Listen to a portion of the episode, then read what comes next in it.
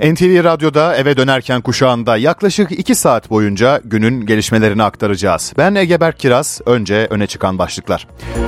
Grup toplantıları nedeniyle gündem siyaset ağırlıklı. Sıcak başlıklar, seçim tarihi, Ali Babacan'ın Baykar iddiaları ve Sadat reklamı tartışması. Akşam haberlerine liderlerin mesajlarıyla başlayacağız.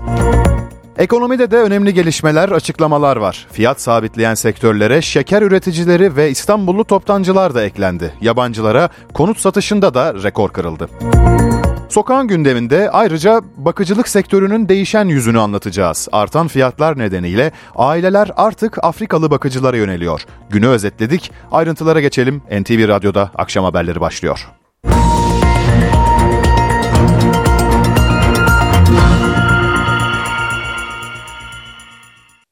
Deva Partisi Genel Başkanı Ali Babacan'ın SİHA üreticisi Baykar firmasına yönelik sözlerine birbiri ardına tepki geldi. MHP Genel Başkanı Devlet Bahçeli, Milli Savunma Bakanı Hulusi Akar ve Cumhurbaşkanlığı İletişim Başkanı Fahrettin Koca'nın açıklamalarını aktaralım.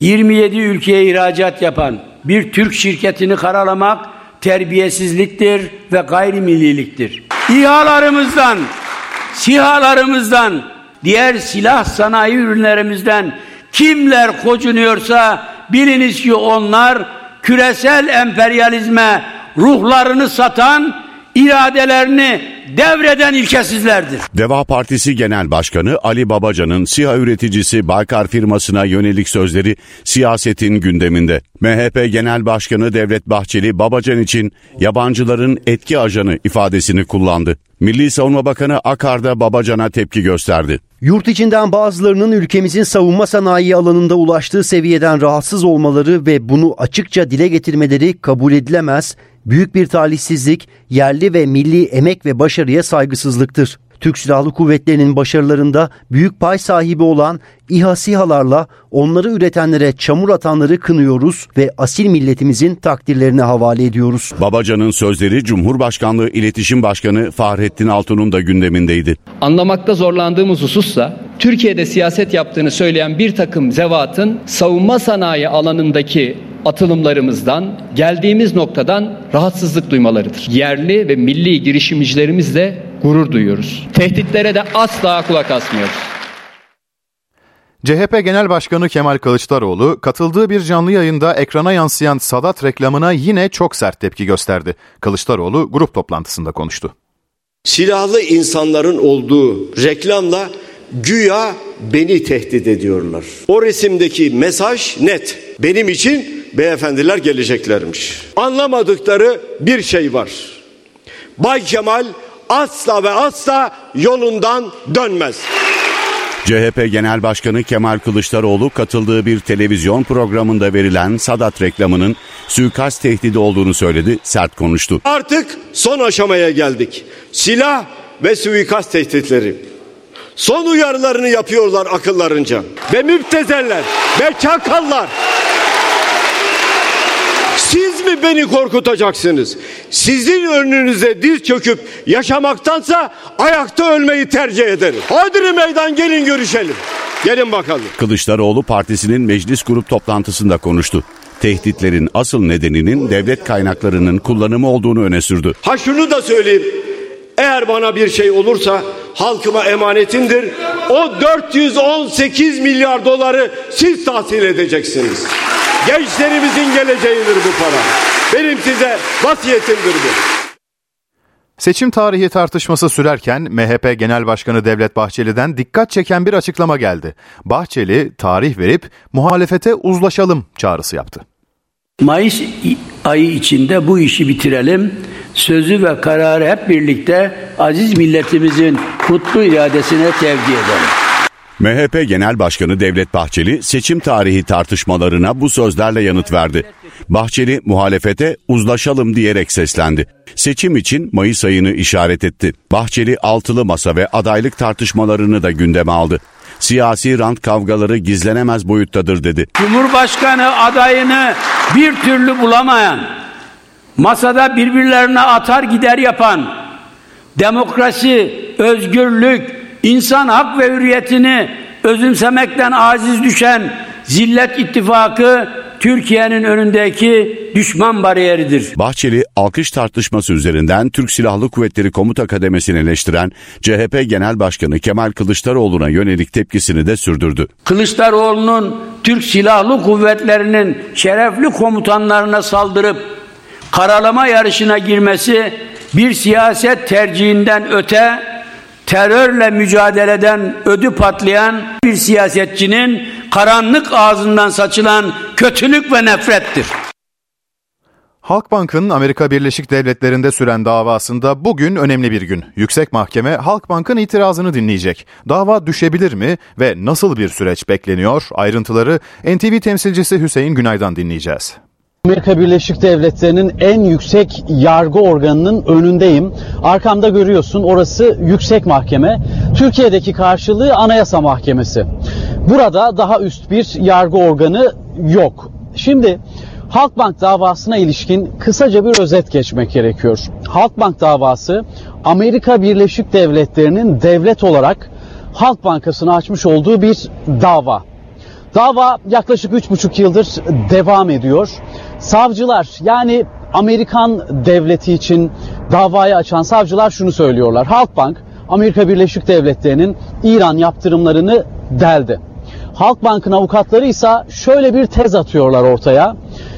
Halkbank bir başka bağımsız devletin kurumu. Amerika Birleşik Devletleri'nde bağımsız devletlerin bağımsızlık yasası var. Sizin yasanıza göre siz kendi yargı sınırlarınız içerisinde olmayan bir bankayı veya bir devlet kurumunu yargılayamazsınız. Böyle bir hakkınız yok. Bugün son 3,5 yıllık sürecin en son gününe gelmiş bulunuyoruz. Arkamda görmüş olduğun yüksek mahkemenin ikinci bölge temyiz mahkemesinin sav, e, yargıçları bir araya gelecekler. Bir saatlik bir zaman dilimi ayrıldı. Savcılar iddialarını dile getirecekler. Avukatlar savunmalarını yapacaklar. Tahminim odur ki her iki tarafa yaklaşık 25 dakika süre tanınacak. Eğer yargıçlar isterse bu sunumlardan sonra savcılara da avukatlara da soru sorabilirler. Ancak bugünkü davanın şöyle bir özelliği var. Duruşmanın. Daha önceki duruşmalarda yazılı savunma yapılıyordu. Savcılar da yazılı savunma yapıyordu. Avukatlar da yazılı savunma yapıyordu. Bugünkü duruşmada sözlü savunma yapılacak. Yani avukatlar çıkıp Halk Bankası'nı sözel bir şekilde, sözlü bir şekilde savunacaklar. Tabi herkesin merak ettiği şey şu. Nasıl bir sonuç çıkabilir? Önümüzde sadece 3 tane seçenek kaldı. Bu 3 seçenek dışında başka hiç seçenek yok. Birincisi Yüksek Mahkeme diyebilir ki evet biz Halkbank'ın itirazını kabul ediyoruz. Bu koşulda dava düşer. Artık Amerika Birleşik Devletleri'nde Halk Bankası davası yok demektir. İkinci seçenek yargıçlar diyebilir ki biz savcıların iddialarını kabul ediyoruz. Halk Bankası Amerika Birleşik Devletleri'nin İran yaptırımlarını delmiştir ve duruşmalar New York'a gönderilir. Oradaki mahkemede normal yargılama süreci başlar. Üçüncü seçenek ise yargıçlar savcıları, avukatları dinler ve derler ki biz bir karara varabilmek için zamana ihtiyaç duyuyoruz.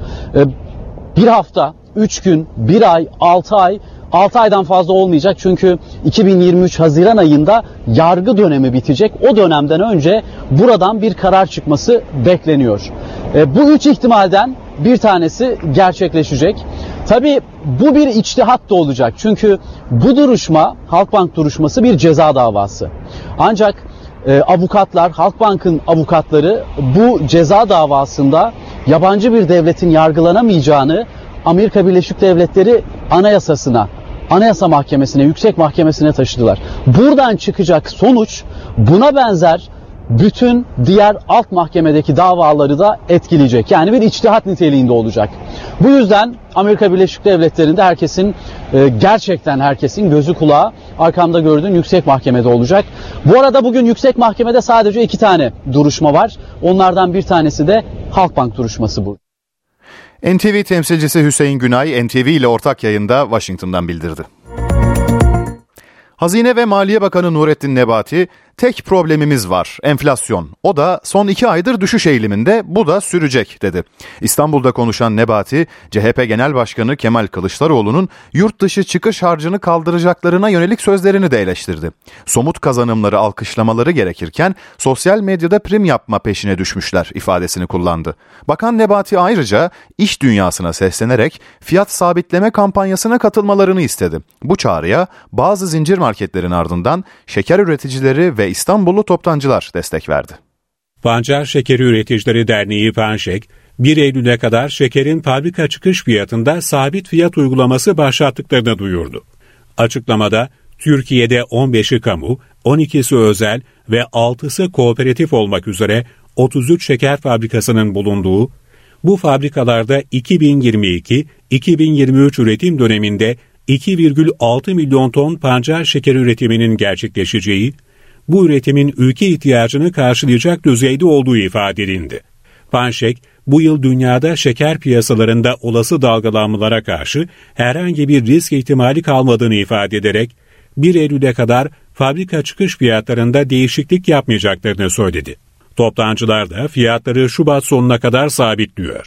7200 üye işyeriyle dünyanın ikinci, Avrupa'nın ve bölgenin en büyük ticaret merkezi olan İstanbul Toptancılar Merkezi İstoç, Şubat sonuna kadar toptancıların fiyatları değiştirmeyeceklerini bildirdi. Askeri ücrete gelen zam, e, fiyatlara yansıması belli bir oranda %5, ürün gamına göre, sektöre göre 10, 15, 20, işçiliğe göre 25 oranında yansıması bekleniyordu.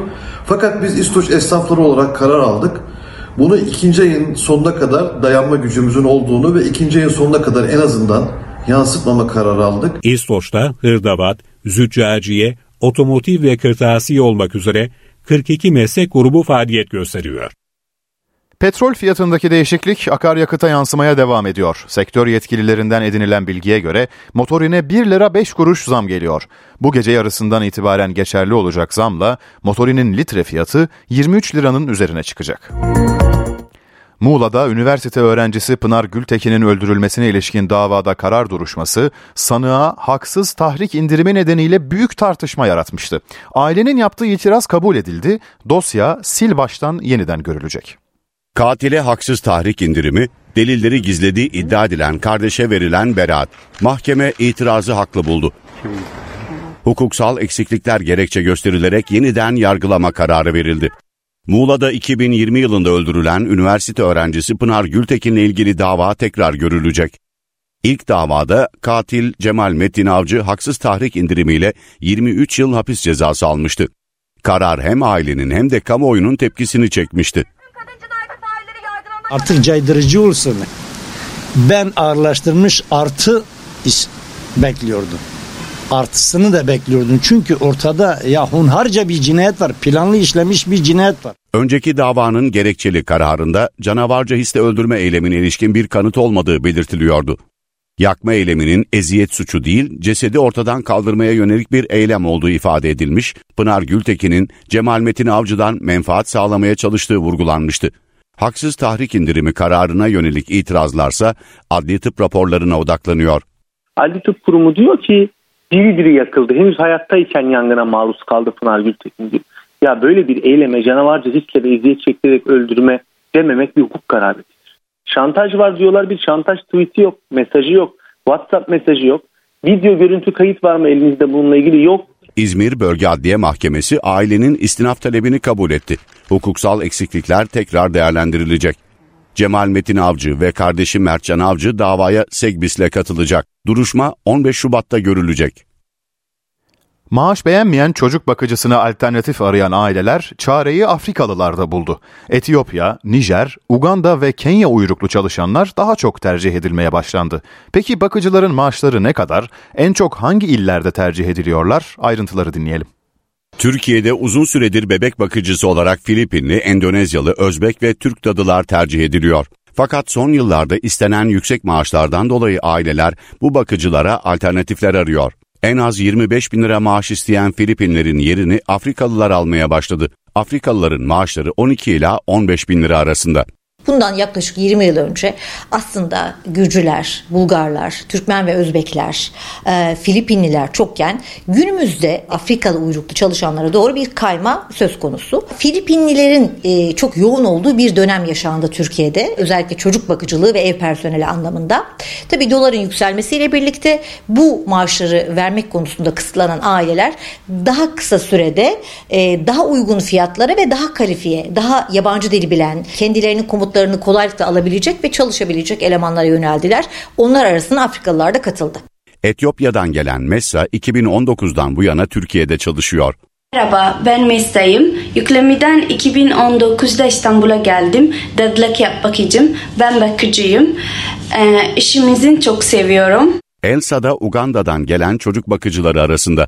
Hello, my name is Elsa. Adım Elsa. Uganda'dan geldim. Çocukları çok seviyorum ve İstanbul'da çocuk bakıcılığı yapmak istiyorum. Çocuklar hakkında geniş bilgim var. Onlara nasıl bakılacağını iyi biliyorum. Afrikalı bakıcılara en çok talep İstanbul, Ankara ve Antalya illerinden geliyor. Türkiye'de çalışma izni bulunmayan yabancıyı çalıştıran işverenler her bir yabancı için 35.815 lira para cezası ödemek zorunda. Bu durumun tekrarı halinde idari para cezaları bir kat artırılarak uygulanıyor. İstanbul'da Kadıköy Belediyesi kaldırımlara gelişi güzel park edilen ve yaya geçişini aksatan skuterların toplatılacağını açıklamıştı. Firmalara tanınan süre doldu, belediye ekipleri skuterları toplamaya başladı. İstanbul'da Kadıköy Belediyesi'nin scooter firmalarına verdiği süre doldu. Belediye ekipleri kaldırımlardan skuterları topladı. Biz Kadıköy'de yeni nesil olan bu mobilite araçlarının kullanılmasının kontrol altına alınmasını istiyoruz. Kaldırım işgallerine son vermesini istiyoruz. Yayalara ait olan kaldırımlarda uygunsuz bir şekilde, izinsiz bir şekilde, gelişi güzel park edilmesine karşıyız. Bizim mücadelemiz kaldırımların sadece yayaların kullanımına açılması yönündedir. Yüze yakın scooter belediyenin depolarına götürüldü. 60 scooter ise firma yetkilileri tarafından kaldırıldı. Kadıköy Belediyesi kaldırımlara gelişi güzel park edilen skuturlar için firmalara 49.360 lira para cezası uyguladı. NTV Radyo Tamburalı Paşa olarak da bilinen emekli Korgeneral Hasan Kundakçı 86 yaşında hayatını kaybetti. Kundakçı yarın İstanbul'da düzenlenecek törenin ardından son yolculuğuna uğurlanacak. Terörle mücadeledeki başarılarıyla tanındı. Sınır ötesi operasyonlara katıldı. Özel Harp Dairesi Başkanlığı yaptı.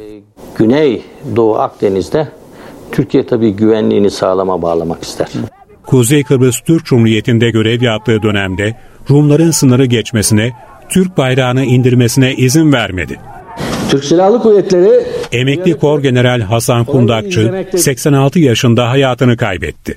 Kundakçı yanında gezdirdiği tamburalı şarjörlü piyade tüfeği nedeniyle Tamburalı Paşa olarak biliniyordu. 1957'de Kara Harp Okulu'ndan mezun olan Hasan Kundakçı, yurt içinde ve yurt dışında çeşitli görevlerde bulundu. 1986'da Özel Harp Dairesi Başkanlığı'na atandı. İsmi 90'lı yıllarda görev yaptığı Güneydoğu Anadolu bölgesinde terörle mücadelede gösterdiği başarılarla duyuldu. 1993'te Diyarbakır'ın Nice ilçesinde terör örgütü ve güvenlik güçleri arasında çıkan çatışmada General Bahtiyar Aydın'ın şehit olması üzerine ateş altındaki bölgeye gitti. Teröristlerin telsiz konuşmalarından tekrar saldıracaklarını öğrenen kundakçı, okulda yaralı halde olan 55 askerden tekrar silah kuşanmalarını istedi. Bu askerlerle birlikte tam 14 saat boyunca çatıştığı teröristlerin bölgeye girmesine izin vermedi. Hasan Kundakçı, Kıbrıs Türk Barış Kuvvetleri Komutanı olarak görev yaptığı dönemde de çok önemli bir gelişme yaşandı. 14 Ağustos 1996'da uyarıları dikkate almayan bir Rum gösterici terör örgüleri aşıp Türk bayrağını indirmek için direğe tırmanınca kundakçının emriyle etkisiz hale getirildi. Bu gelişmenin ardından Kıbrıs Rum kesiminin başvurusu üzerine Kundakçı hakkında yakalanması ve tutuklanması için Interpol tarafından kırmızı bülten çıkarıldı. Bu nedenle 27 yıldır yurt dışına çıkmıyordu. Hasan Kundakçı bu konuyla ilgili bayrak indirilirse biz orada duramayız. Bayrağı indirilmiş bir komutan olarak anılmaktansa Yurt dışına çıkamayan komutan olarak bilinmeyi tercih ediyorum açıklamasını yaptı. Hasan Kundakçı'nın cenazesi 18 Ocak'ta Selimiye Camii'nde düzenlenecek törenin ardından Zincirlikuyu mezarlığında defnedilecek.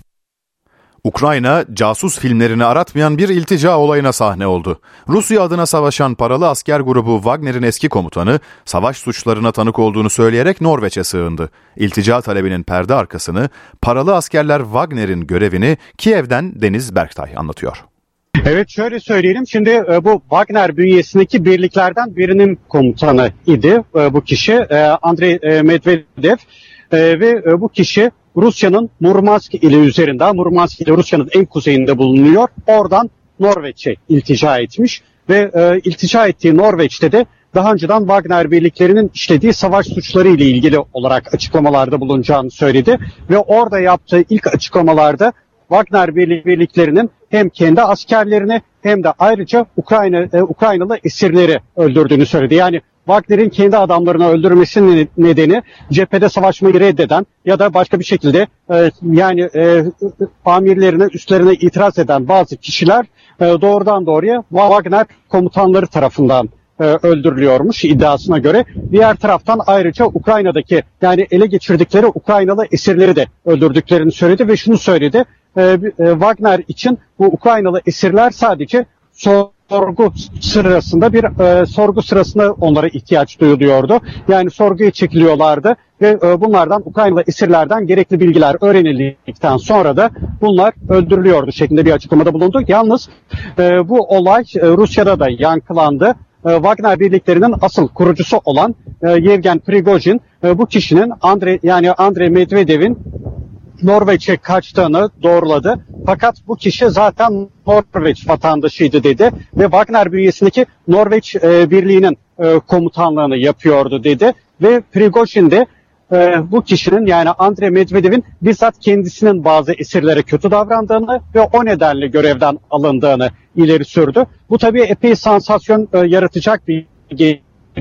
Çünkü şu anda Ukrayna'nın doğusunda Donbas bölgesinde mesela Soledar'ı ele geçiren Rus birlikleri bu paralı Wagner grubu. Yani şu anda en faal şekilde doğuda çarpışanlar e, çarpışanlar arasında Wagner askerleri bulunuyor. Dolayısıyla bu iddialar yani Ukraynalı esirlere yapılanlarla ilgili iddialar eğer tabii doğru ise bu epey bir sansasyon yaratacak bir gelişme olacak diyebiliriz. Gazeteci Deniz Berktay Kiev'den aktardı. Yabancıya konut satışında rekor var. Geçen yılın rakamları %15'lik bir artışa işaret ediyor. Genel olarak konut satışları ise bir önceki yıla yaklaştı. 2022 yılında 1,5 milyon konut satıldı. Türkiye İstatistik Kurumu Aralık ayı konut satış rakamlarını açıkladı. Aralıkta satışlar yıllık bazda %8 gerilese de 200 bin adedin üzerine yükseldi. Son ayın verisiyle tüm yılın rakamları da belli oldu. Geçen yıl satışlar %0,4 azalarak 1 milyon 485 bin adet olarak gerçekleşti. Satışlarda ilk sırayı 259 bin adetle İstanbul alırken onu 126 bin konutla Ankara, 82 bin konutla İzmir takip etti. Konut satış sayısının en az olduğu inlerse sırasıyla 468 konutla Ardahan, 910 konutla Hakkari ve 956 konutla Bayburt. 2022'de konut kredilerinin demitini sınırlayan düzenlemeyle kredili satışlar geriledi. Yıl boyunca 280 bin kredili ev satışı yapıldı. Yani her 100 konuttan sadece 19'u kredi kullanılarak alındı. Yabancıya satışta ise rekor var. Yabancılara konut satışı %15 artarak 67.400 adede çıktı. Birinci sırada ise ilk kez savaşın etkisiyle Ruslar yer aldı. Ruslar geçen yıl 16.312 bin adet konut alımı yaparken, ikinci sırada 8223 adette İranlılar, 3. sırada 6241 adette Iraklılar var. Başak Mireli 2100 millik rotasını tamamladı ve Atlantik'i tek başına geçen ilk Türk kadın oldu. 24 gün boyunca dev dalgalarla ve teknesinde çıkan sorunlarla boğuşan Mireli, yaşadıklarını NTV'den Ahmet Örsoğlu'na anlattı. Ayağınızın tozuyla sizi röportaja alıyoruz. Ne kadar oldu Atlantik'i geçeli? Bitireli 5 saat kadar oluyor. Nasıl bir duygu? Hala olayın şoku içerisindeyim. 24 gündür denizdeyim. İşte böyle oluyor.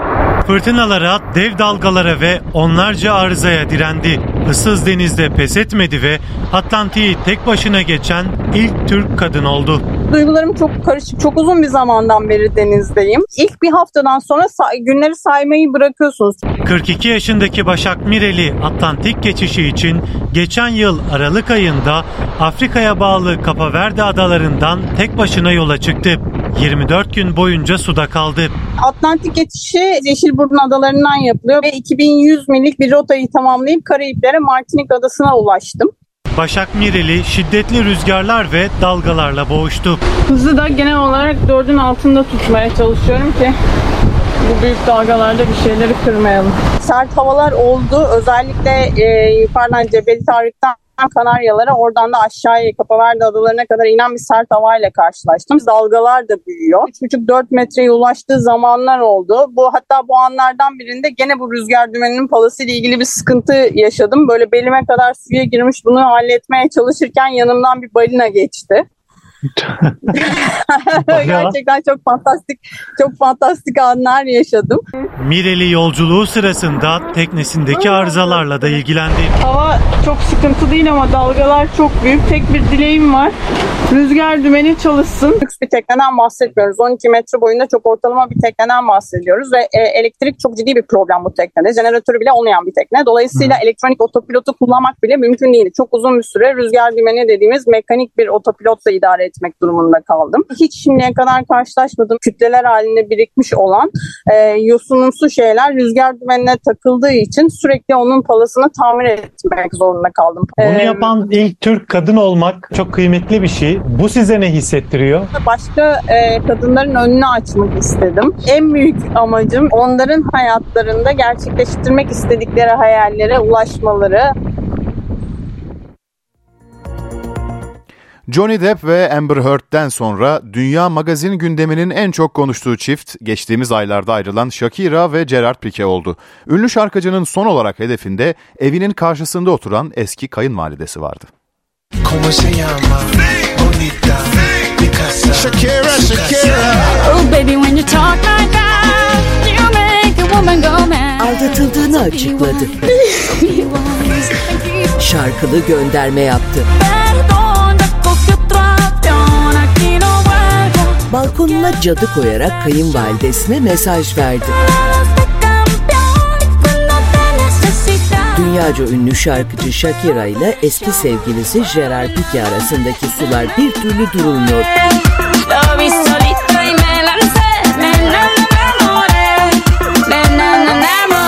Aldatıldığını öğrenince futbolcu sevgilisi Gerard Piqué ile 11 yıllık ilişkisini bitiren Shakira'nın son olarak Piqué'nin annesinin evine bakan balkonuna bir cadı yerleştirdiği söylendi.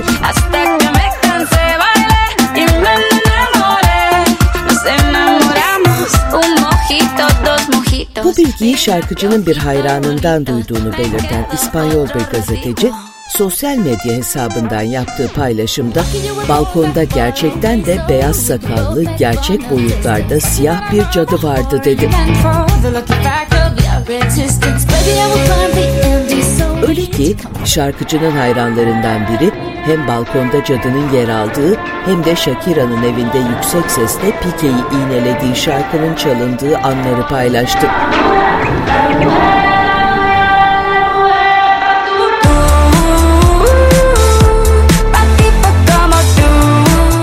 Şarkıcının geçtiğimiz hafta çıkardığı Out of Your League isimli şarkısında hala komşu olduğu eski kayınvalidesiyle ilgili sözleri de gündem olmuştu.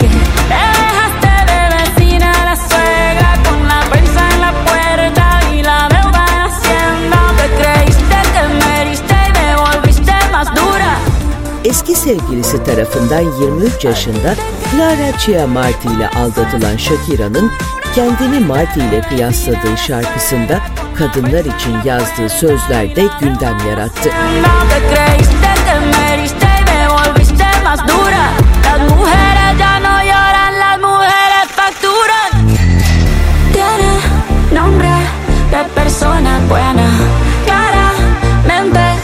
Shakira'nın rap müzik prodüktörü Bizarre Rap'le işbirliği yaptığı Out of Your League YouTube'da 24 saat içinde 63 milyon defa izlendi.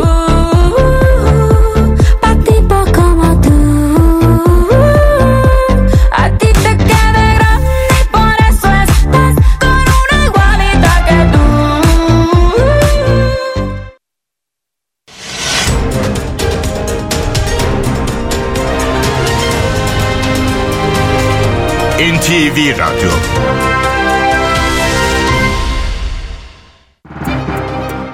Borsa İstanbul Ulusal Yüz Endeksi 5333 seviyesinden işlem görüyor. Serbest piyasada dolar 18.79, euro 20.42 seviyesinde. Euro dolar paritesi 1.08, ons altın 1915 dolarda.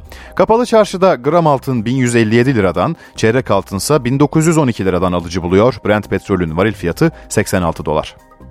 İstanbul'da trafik yoğunluğu %72 seviyesinde. D100 parseller avcılar yönü hasarlı trafik kazasından dolayı bir şerit trafiğe kapatılmış durumda. Bölgede trafik yoğunlaşıyor. 15 Temmuz Şehitler Köprüsü'nde iki yaka içinde yoğunluk artıyor. Avrupa'da Büyükdere ve Mecidiyeköy bölgeleri. Anadolu'da ise Altunizade bölgesi bir hayli yoğun. Ayrıca diğer tarafta Fatih Sultan Mehmet Köprüsü'nde Anadolu'da Kavacık'tan itibaren bir yoğunluk var. Avrupa'dan da köprüye geçişlerde Hastal'dan itibaren bir yoğunluk görünüyor. Avrasya Tüneli çift yönlü olarak açık. Yolda olanlara güvenli yolculuklar. NTV Radyo'da haber saati içerisindeyiz. Gelişmeleri aktarmaya devam ediyoruz. Cumhur İttifakı'nı oluşturan partilerden seçim tarihiyle ilgili dikkat çeken açıklamalar geldi. MHP lideri Devlet Bahçeli Mayıs ayını işaret etti. AK Parti ise tarih vermese de bir güncelleme olması gerektiği görüşünde. Meclise gideceğiz. Özgür Akbaş seçim için konuşulan tarihlere dair son açıklamaları anlatacak. Söz Özgür Akbaş'a şimdi geliyor. Neler söylendi Özgür seçim tarihiyle ilgili?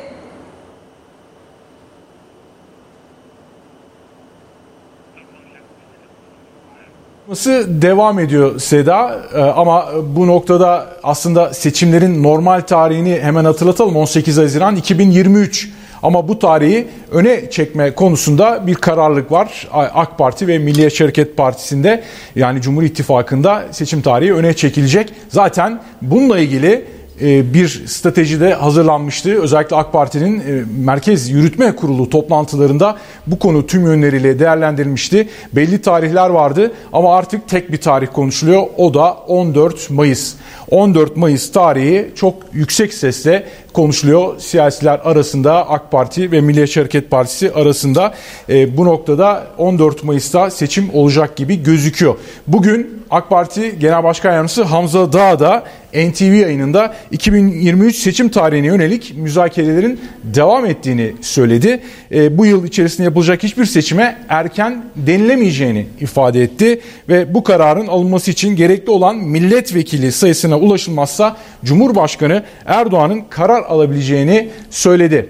Şimdi burada iki yöntem var. Anayasanın e, belirli maddesinde bu e, ortaya konmuş durumda. E, iki nokta söz konusu. Ya Türkiye Büyük Millet Meclisi ülkeyi seçime götürebilir ya da Cumhurbaşkanı Recep Tayyip Erdoğan seçimin yenilenmesi kararını alabilir. Türkiye Büyük Millet Meclisi'nden bu kararın çıkması için 360 milletvekilinin oyu gerekiyor. Ancak burada muhalefetin 6 Nisan'dan önce olması durumunda destek verebileceğini, 6 Nisan'dan sonra olacak bir seçime destek vermeyeceklerini ilan etmeleri durumunda işte bu konuda Cumhurbaşkanı Erdoğan'ın karar almasını gerekli kılıyor. Cumhurbaşkanı Erdoğan seçimin yenilenmesi noktasında bir karar alacak gibi gözüküyor. Ama bugün MHP lideri Devlet Bahçeli'nin de gündemindeydi seçimin erkene çekilmesi konusu ve bu noktada muhalefete uzlaşı çağrısı yaptı ve mevsim şartlarına da dikkat çekerek Mayıs ayı içinde bu işi bitirelim dedi.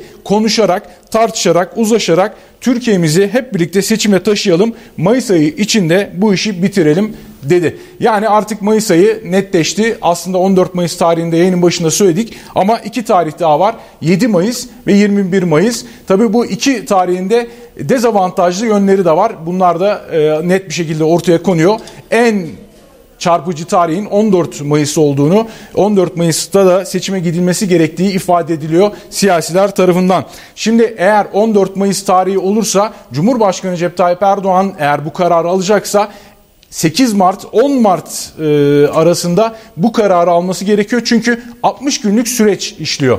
Cumhurbaşkanı Erdoğan eğer 8 Mart tarihinde bu kararı alırsa 60 günün sonunda ilk pazar 14 Mayıs oluyor. 14 Mayıs tarihi oluyor ve 14 Mayıs tarihinde de hem Cumhurbaşkanı seçimi gerçekleşecek hem Türkiye Büyük Millet Meclisi seçimi gerçekleşecek. Ee, ancak bu konuda tabii resmi bir açıklama henüz gelmiş değil. Şubat'ın ortalarına doğru Cumhurbaşkanı Erdoğan'ın MHP lideri Devlet Bahçeli ile bir görüşme yapması ve bu tarihi o görüşmenin ardından kamuoyuna duyurmaları bekleniyor ve sonrasında Mart ayının 8'inde ya da 10'unda Cumhurbaşkanı Erdoğan bu kararı alarak yani seçime gitme, seçimin yenilenmesi kararını alarak Türkiye'yi seçime götürmesi bekleniyor Sedan. Özgür Akbaş NTV ile ortak yayında Ankara'dan bildirdi. CHP Genel Başkanı Kemal Kılıçdaroğlu katıldığı bir canlı yayında ekrana yansıyan Sadat reklamına yine çok sert tepki gösterdi. Grup toplantısında konuşan Kılıçdaroğlu suikast tehdidi dedi. Silahlı insanların olduğu reklamla güya beni tehdit ediyorlar. O resimdeki mesaj net. Benim için beyefendiler geleceklermiş. Anlamadıkları bir şey var. Bay Kemal asla ve asla yolundan dönmez. CHP Genel Başkanı Kemal Kılıçdaroğlu katıldığı bir televizyon programında verilen Sadat reklamının suikast tehdidi olduğunu söyledi, sert konuştu. Artık son aşamaya geldik. Silah ve suikast tehditleri. Son uyarılarını yapıyorlar akıllarınca. Ve müptezeller ve çakallar. Siz mi beni korkutacaksınız? Sizin önünüze diz çöküp yaşamaktansa ayakta ölmeyi tercih ederim. Hadi meydan gelin görüşelim. Gelin bakalım. Kılıçdaroğlu partisinin meclis grup toplantısında konuştu. Tehditlerin asıl nedeninin devlet kaynaklarının kullanımı olduğunu öne sürdü. Ha şunu da söyleyeyim. Eğer bana bir şey olursa halkıma emanetimdir. O 418 milyar doları siz tahsil edeceksiniz. Gençlerimizin geleceğidir bu para. Benim size vasiyetimdir bu. Deva Partisi Genel Başkanı Ali Babacan'ın SİHA üreticisi Baykar firmasına yönelik sözlerine birbiri ardına tepki geldi. MHP lideri Devlet Bahçeli'nin açıklamalarını dinleyelim. 27 ülkeye ihracat yapan bir Türk şirketini karalamak terbiyesizliktir ve gayrimilliliktir. İHA'larımızdan, SİHA'larımızdan, diğer silah sanayi ürünlerimizden kimler kocunuyorsa biliniz ki onlar küresel emperyalizme ruhlarını satan iradelerini devreden ilkesizlerdir. Deva Partisi Genel Başkanı Ali Babacan'ın SİHA üreticisi Baykar firmasına yönelik sözleri siyasetin gündeminde. MHP Genel Başkanı Devlet Bahçeli Babacan için yabancıların etki ajanı ifadesini kullandı. Milli Savunma Bakanı Akar'da Babacan'a tepki gösterdi. Yurt içinden bazılarının ülkemizin savunma sanayi alanında ulaştığı seviyeden rahatsız olmaları ve bunu açıkça dile getirmeleri kabul edilemez, büyük bir talihsizlik, yerli ve milli emek ve başarıya saygısızlıktır. Türk Silahlı Kuvvetleri'nin başarılarında büyük pay sahibi olan İHA SİHA'larla onları üretenlere çamur atanları kınıyoruz ve asil milletimizin takdirlerine havale ediyoruz. Babacan'ın sözleri Cumhurbaşkanlığı İletişim Başkanı Fahrettin Altun'un da gündemindeydi. Anlamakta zorlandığımız husussa Türkiye'de siyaset yaptığını söyleyen bir takım zevatın savunma sanayi alanındaki atılımlarımızdan, geldiğimiz noktadan rahatsızlık duymalarıdır. Yerli ve milli girişimcilerimizle gurur duyuyoruz. Tehditlere de asla kulak asmıyoruz. AK Parti Grup Başkan Vekili Muhammed Emin Akbaşoğlu, emeklilikte yaşa takılanlar düzenlemesinin muhtemelen gelecek ay meclis başkanlığına sunulacağını söyledi. Akbaşoğlu, EYT'liler ne zaman maaş alır sorusuna ise Mart ayı yanıtını verdi. Alevi toplumu için atılan yeni adımlar hayata geçiriliyor. Cemevi Başkanlığı bu hafta göreve başlayacak. Cemevlerine ücretsiz elektrik içinse çalışmalar devam ediyor. Kültür ve Turizm Bakanlığı bünyesinde kurulan Alevi Bektaşi Kültür ve Cemevi Başkanlığı faaliyete başlıyor. Başkan, başkan yardımcıları ve danışma kuruluna atamaların bu hafta bitmeden yapılması bekleniyor. Alevi Bektaşi Kültür ve Cemevi Başkanlığı Ankara'da olacak. Cemevlerin aydınlatma giderlerinin karşılanması için de süreç başladı. Edinilen bilgiye göre cemevlerin isim ve adres bilgileriyle abonelik sözleşmeleri ve hangi dağıtım şirketine bağlı oldukları bilgileri çıkarılıyor. Bu çalışma bittikten sonra ödemelerin başlaması planlanıyor. Cemevi dedeleri de Şubat ayının ilk haftasında Kerbela'ya götürülecek. 180 dedenin 3 grup halinde götürülmesi planlanıyor. İlk kafile 6 Şubat'ta hareket edecek. Metal sektöründe çalışan 180 bine yakın işçinin maaşına ek zam yapıldı. Sektörde örgütlü 3 işçi sendikası ile işveren sendikası işçilere %34 oranında ek zam için anlaştı. İşçilere ayrıca Mart ayı itibariyle son 6 aylık enflasyonun %15'i aşması halinde enflasyon farkı ödenmesine de karar verildi. Suriye ve Rusya'nın katılımıyla üçlü görüşmenin planlandığı bu günlerde Ankara önemli bir konuğu ağırlıyor.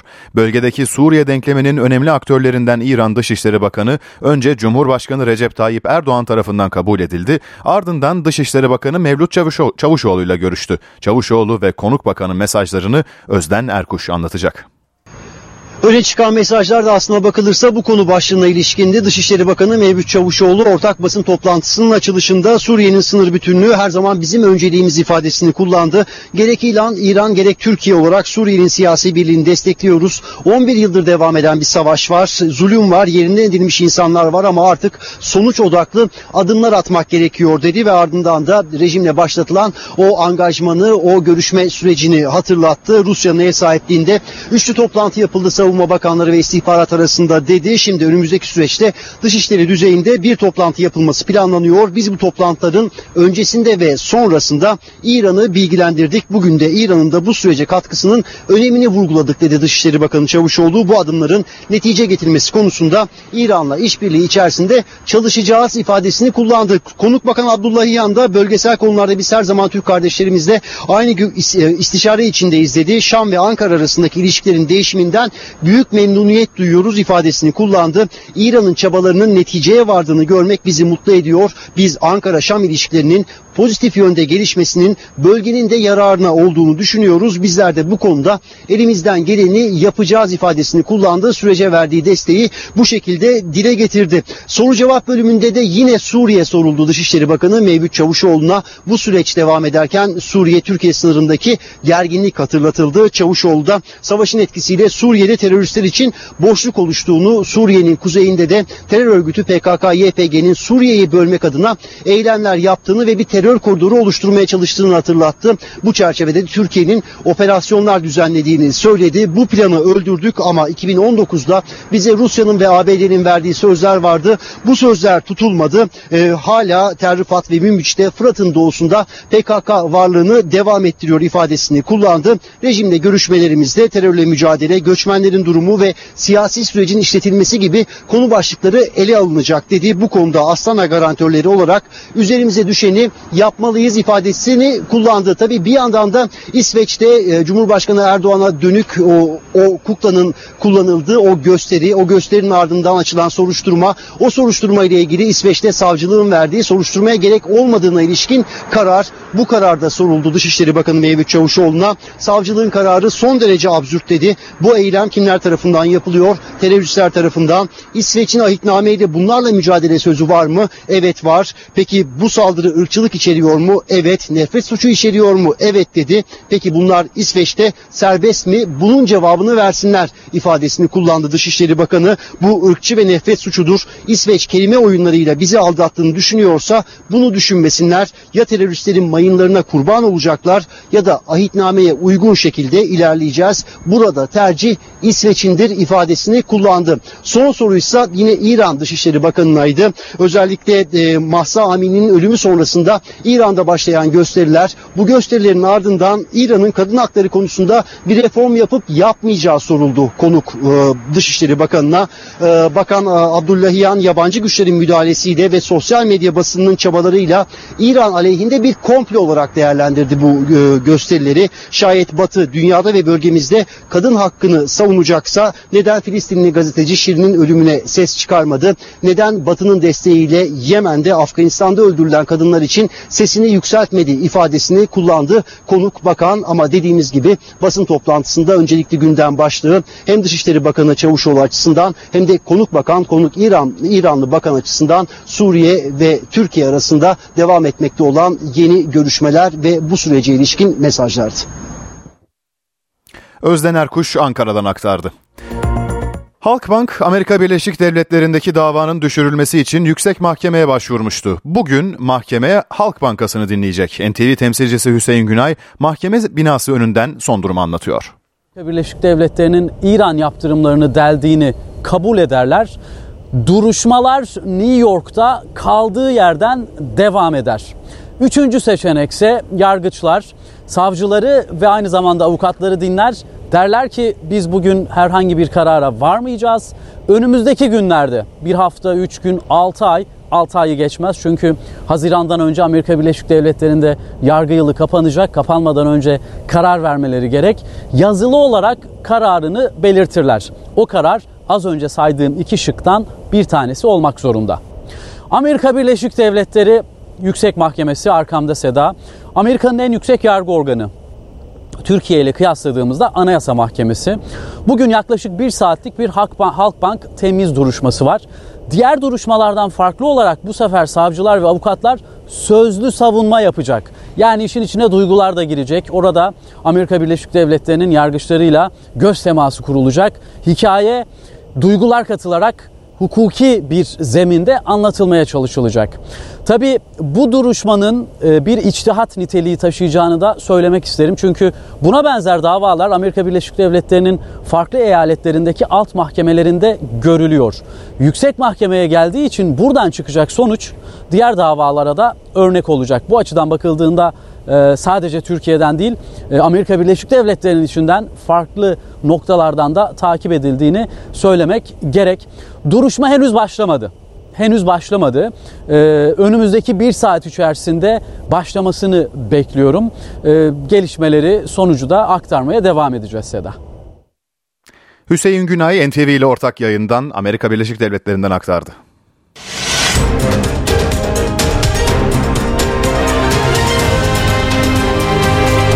NTV Radyo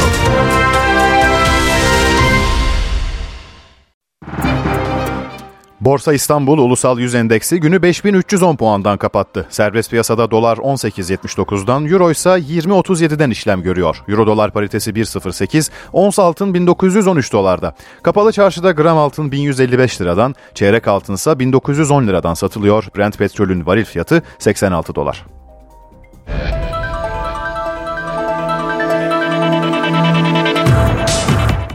Ziraat Türkiye Kupası'nda Galatasaray Korendon Alanya Spor'a konuk olacak. Teknik direktör Okan Buruk bazı as oyuncularını bu karşılaşmada dinlendirecek. Ziraat Türkiye Kupası son 16 turunda Korendon Alanya Spor'la Galatasaray karşı karşıya gelecek. Saat 20.30'da başlayacak maçı hakem Volkan Bayarslan yönetecek. Galatasaray'da ikisi sakat 8 eksik var.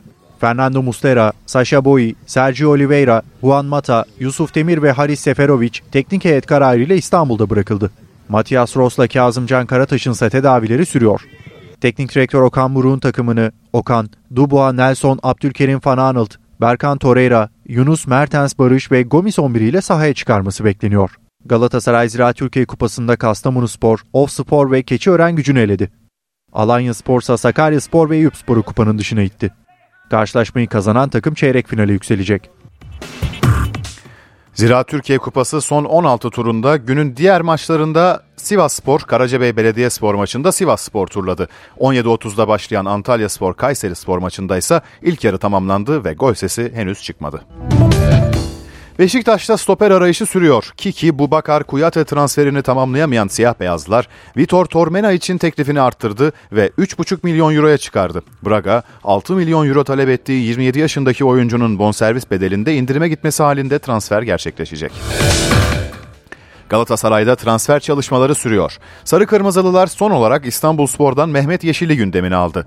Yönetim 2027'ye kadar sözleşmesi bulunan 24 yaşındaki stoper için Sarı Siyahlıların beklentisini soracak. Trabzonspor altyapısında yetişen Mehmet Yeşil bu sezon Süper Lig'de 18 maçta forma giydi, bir de gol kaydetti. Galatasaray sol bek içinse Uğur Çiftçi transferindeki pürüzleri gidermeye çalışıyor.